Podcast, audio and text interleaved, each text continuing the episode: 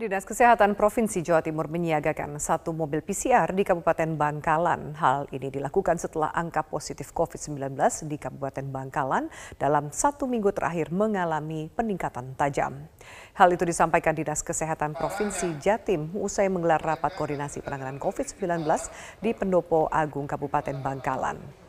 Diketahui dalam satu minggu terakhir terdapat lonjakan kasus positif yang signifikan di Kabupaten Bangkalan. Data resmi dari pemerintah Kabupaten Bangkalan, jumlah kasus aktif terpapar COVID-19 lebih dari 200 orang.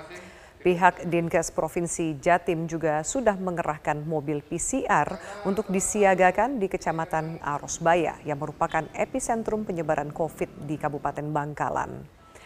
Pihak Dinkes juga sudah meminta pihak terkait untuk membantu melakukan tracing kontak erat. Ada rapat khusus seperti ini karena ada peningkatan yang cukup signifikan. Pemerintah Provinsi Jawa Timur membackup Kabupaten Bangkalan ini untuk screening memisahkan yang positif dan yang negatif. Karena apa? Yang positif ini kan sumber penularan, sehingga harus cepat-cepat untuk bisa dilakukan isolasi sehingga yang negatif ini tidak tertular. Maka mobil PCR sudah berjalan ke Rumah Sakit Arusbaya, tenaganya dari semuanya, baik dari provinsi, dari kabupaten, dari TNI dan Polri untuk bisa melakukan swab. Warga Sukabumi, Jawa Barat dikejutkan dengan adanya dua kali aktivitas gempa bumi pada Sabtu siang dan Minggu dini hari. Menurut data dari BMKG, gempa dengan kekuatan magnitudo 3 terjadi pada Sabtu pukul 12.47 waktu Indonesia Barat, berpusat di darat yakni 5 km tenggara kota Sukabumi. Sementara gempa kedua berpusat di laut dengan kekuatan magnitudo 4,8. PLT Kepala BPBD Kabupaten Sukabumi, Anita Mulyani mengatakan dampak akibat guncangan gempa kemarin yang melanda Sukabumi tidak berdampak pada kerusakan secara signifikan. Sampai saat ini ke BBBD Kabupaten Sukabumi tidak ada laporan yang mengakibatkan masyarakat terdampak daripada gempa tersebut. Kami hanya menerima adanya beberapa laporan rumah yang retak-retak, itu pun tidak mengancam kepada masyarakat yang bersangkutan. Kami BBBD tetap memberikan uh, peringatan kepada masyarakat untuk tetap waspada, siapkan tas siaga bencana di rumah masing-masing yang berisi dokumen, kemudian eh, alat-alat uh, pribadi, obat pribadi. Pada saat bencana susulan atau gempa susulan yang lebih besar terjadi, itu bisa menjadikan alternatif dibawa pada saat uh, bencana. Tidak hanya di Sukabumi, di Cianjur, Jawa Barat juga terjadi satu kali aktivitas gempa yakni pada Sabtu malam dengan magnitudo 3 Gempa ini juga berpusat di darat yakni 3 km tenggara Kabupaten Cianjur. Terjadi pada malam hari, gempa sempat membuat panik warga hingga memutuskan untuk keluar rumah. Namun, belum ada laporan kerusakan maupun korban jiwa atas kejadian ini. Adanya dua kali gempa di wilayah Jawa Barat yang berpusat di darat tidak lain akibat adanya aktivitas sesar Cimandiri.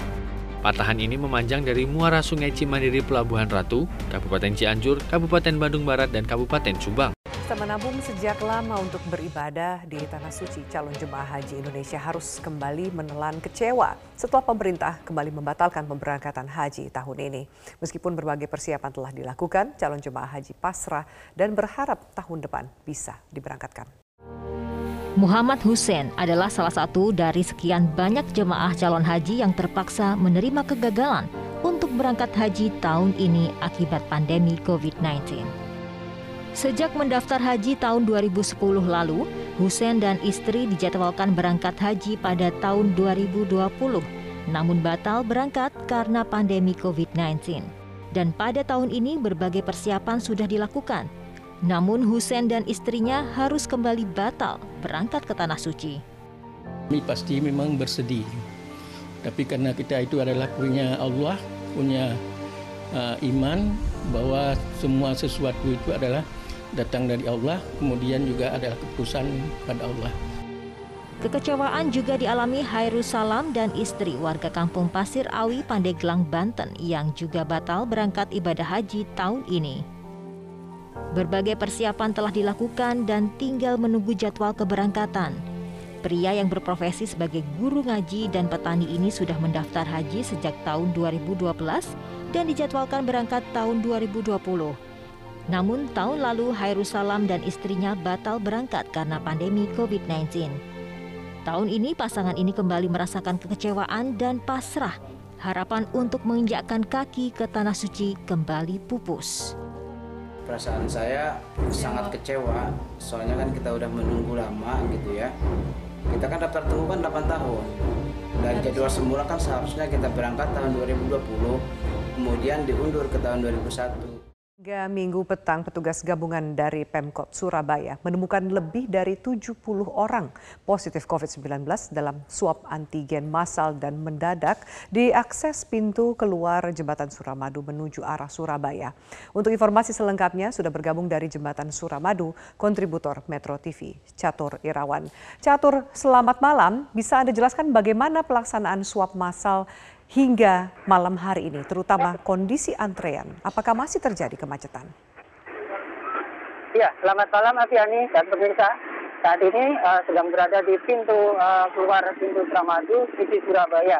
Dapat kami laporkan untuk akses uh, pintu keluar dari uh, dari Suramadu menuju ke Surabaya untuk saat ini uh, lancar karena tadi sempat dibuka untuk mengurai antrian yang sempat terjadi kemacetan hingga bentang tengah Suramadu petugas terpaksa melakukan uh, buka tutup tadi karena uh, swab antigen massal dan acak di pintu keluar Suramadu sisi Surabaya sempat membuat kemacetan panjang dan sempat dikeluhkan uh, masyarakat pengguna khususnya dari masyarakat Madura dan sekitarnya yang menuju kota Surabaya.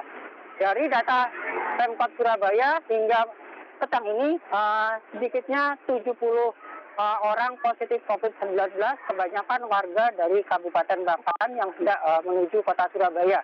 70 orang yang positif COVID-19 ini uh, diperoleh dari data uh, swab uh, antigen secara asak dan mendadak dari mulai pukul 11 siang tadi.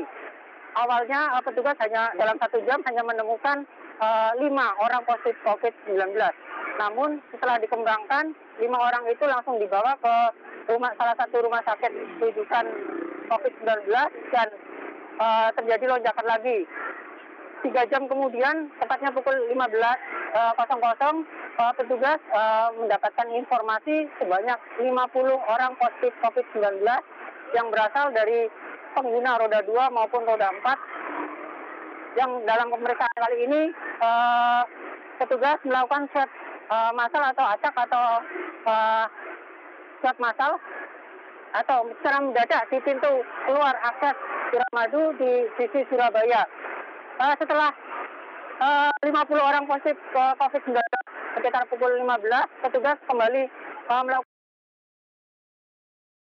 acak dan ditemukan 70 orang positif COVID-19. Saat ini 70 orang yang positif COVID-19 langsung dibawa ke beberapa rumah sakit rujukan COVID-19, uh, salah satunya di Rumah Sakit Umum Haji Surabaya, Rumah Sakit Umum Dr. Sutomo Surabaya, dan Rumah Sakit Lapangan Indrapura Surabaya. Mirsa mantan Menteri Luar Negeri Indonesia era Presiden Soeharto, Profesor Mohtar Kusuma Atmaja, tutup usia. Jenazah dimakamkan di Taman Makam Pahlawan Kalibata, Jakarta Selatan. Profesor Mohtar Kusuma Atmaja meninggal dunia pada Minggu pagi 6 Juni 2021 di usia 92 tahun. Almarhum dimakamkan di Taman Makam Pahlawan Kalibata, Jakarta Selatan.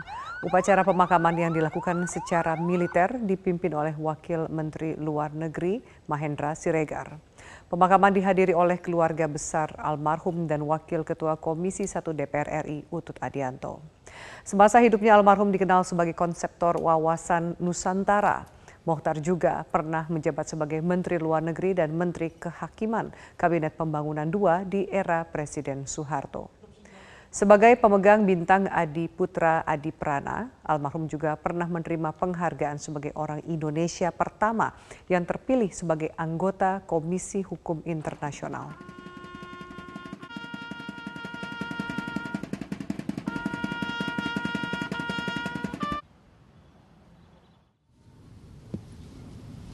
Penghargaan yang luar biasa karena di dalam kita sendiri tentu beliau adalah pemegang bintang Mahaputra Adri Adiprana dan juga merupakan orang Indonesia yang pertama yang terpilih sebagai anggota Komisi Hukum Internasional.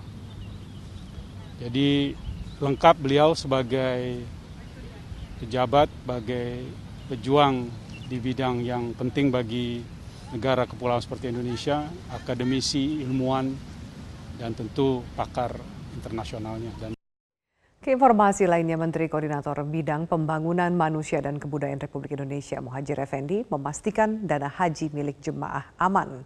Pernyataan itu diungkap Muhajir terkait dengan adanya isu miring dana haji yang digunakan pemerintah untuk pembangunan infrastruktur, penanganan COVID-19, serta menambal dana APBN. Pemerintah memastikan pengelolaan dana haji milik jemaah yang saat ini berjumlah 150 triliun rupiah dikelola dengan baik. Muhajir memastikan pengelolaan dana haji dilakukan oleh lembaga independen yakni Badan Pengelola Keuangan Haji. Pengelolaannya pun bisa dipertanggungjawabkan secara objektif Kendati demikian, bukan berarti dana haji tersebut tidak diinvestasikan. Muhajir menyebut bahwa pengelolaan dana jemaah diinvestasikan pada sektor keuangan yang aman dan memiliki resiko rendah.